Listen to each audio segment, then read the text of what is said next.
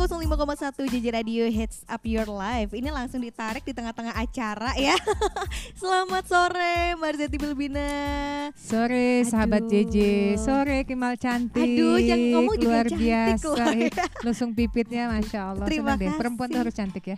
Perempuan harus cantik Betul. Nah ini Mbak Siti Bilbina gimana sayang. kabarnya? Alhamdulillah Sir. baik, menyenangkan. Baik-baik. Eh, lagi sibuk bisa apa ber- ketemu ini? dengan kamu. Aku lagi muter ya sebagai uh, pelayan, sebagai wakil rakyat dari Komisi 10 Surabaya Sidoarjo. Oke di mana saat sekarang kita tahu di era pemerintahan Ibu Risma begitu konsen bicara dengan pendidikan gitu ya. Eh, saat sekarang saya juga ikut membantu dari Komisi 10 memberikan program beasiswa buat eh, keluarga kita khususnya di Surabaya Sidoarjo. Tadi Wow. dari tadi muter untuk kasih beasiswa. Oke, ini berarti emang fokusnya ke pendidikan, Pendidikan. gitu ya Mbak Titi. Nah tapi kalau misal ngomongin soal Ya. industri kreatif sendiri, Betul. apalagi di event ini juga Dulu ngobrolin kan kita tentang- pekerja, pekerja kreatif kan dulu ya. Bener. Dulu kalau zaman dulu model kalau kita pekerja seni ya. Oke. Kalau sekarang ah. entrepreneur kreatif gitu. Enter- Kalau dulu UMKM, sekarang Asli. startup ya. startup ya be- beda zaman aja Beda-beda beda nama ya. zaman. Zaman dulu jadul gitu ya, sekarang zaman milenial. Asli, Asli. cocok kan?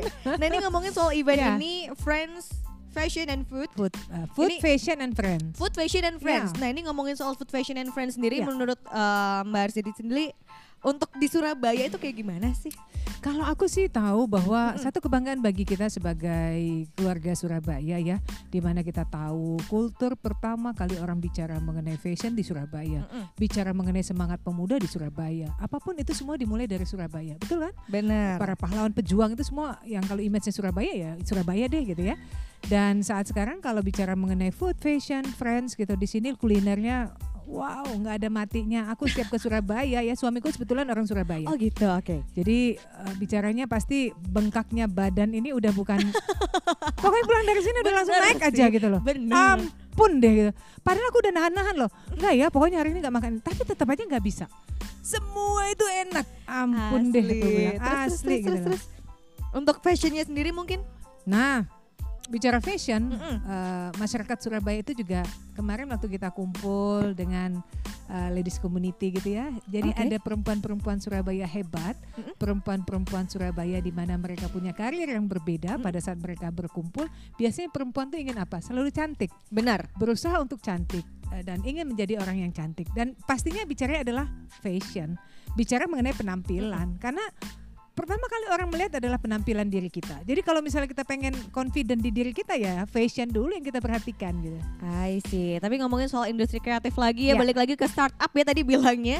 Kalau misal Mbak Siti sempat eh, terjun ke industri kreatif dan tadi saya dengar katanya Mbak Siti sendiri ada di eh, masuk bagian dari Backcraft ya, benar? Ya, komisinya ada bagian backcraft. Backcraft. Nah, itu bisa dijelasin dulu industri kreatif di Indonesia mungkin terus ke Surabaya itu seperti apa sih? Sebetulnya kalau kita bicara masyarakat Surab- masyarakat Indonesia ya, eh, cakupannya yang luas gitu ya. Masyarakat yang kreativitasnya sangat tinggi. Di mana kita tahu budaya kita luar biasa dari Sabang sampai Merauke gitu ya. eh, kultur kita Masya Benar. Allah gitu ya. Semua punya adat istiadat yang berbeda. Itu kan sebetulnya kreatif ya. Di mana kalau kita bicara busana adat itu berbeda dari Jawa, Padang, eh, Sulawesi, Kalimantan, semua berbeda. Beda-beda. Semua dengan keunikan masing-masing. Apalagi pada saat kalau kita melihat baju nikah, baju pengantinnya daerah-daerah itu ya.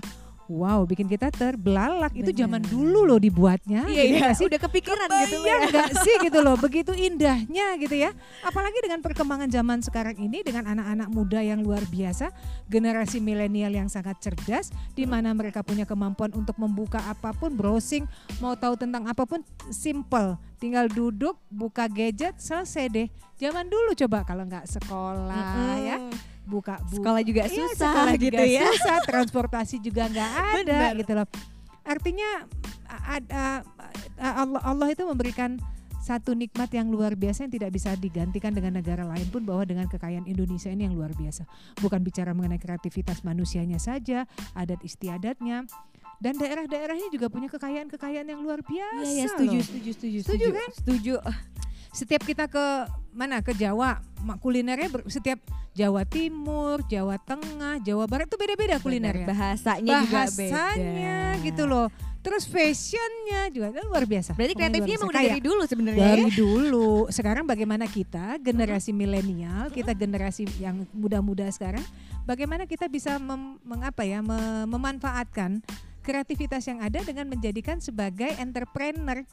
Karena Oke. sekarang ini dirimu jago masak pastinya.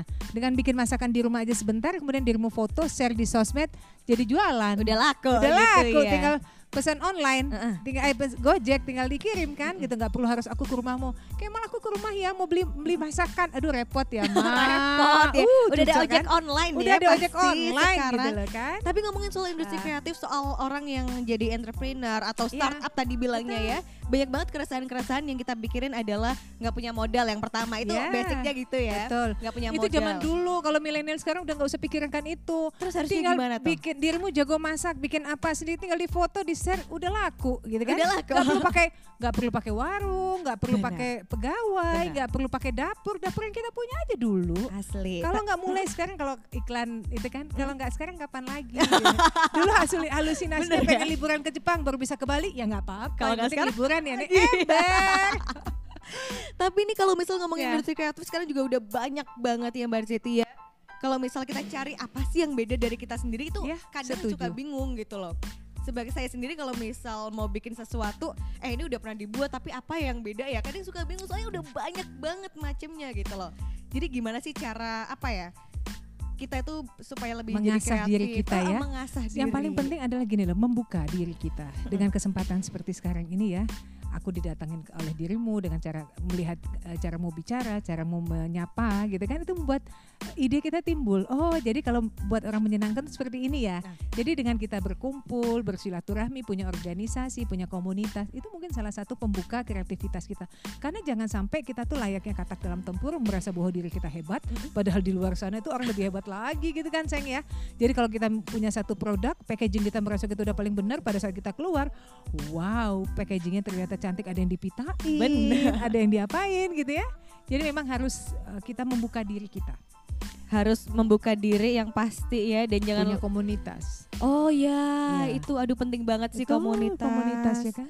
Memotivasi kita untuk sehat, untuk jadi cantik perempuan ya kan. tetap ya, tetap. Dan terakhir deh, tips untuk generasi milenial kalau Iya. misal pengen jadi kreatif, yang pertama satu kecuali tadi membuka diri ya. Ya. Terus kalau misal pengen jadi entrepreneur tuh kayak gimana? Kalau aku tuh sangat mengapresiasi khususnya generasi milenial di Surabaya sih, eh, mereka tuh luar biasa ya pada saat membuat satu event saja itu sudah penuh gitu karena memang aku sendiri kadang-kadang kalau datang melihat eh, kreativitas generasi muda Surabaya itu di luar jangkauan aku sampai masya Allah segini jeniusnya anak-anak. Oh ya? Jadi teruslah berkarya, teruslah memberikan terobosan, jangan pernah capek dan jangan pernah merasa udah selesai ya saya sampai di sini enggak. Eh, yang namanya ilmu tuh terus berkembang, terus memberikan jadilah generasi milenial yang menginspirasi bagi banyak orang.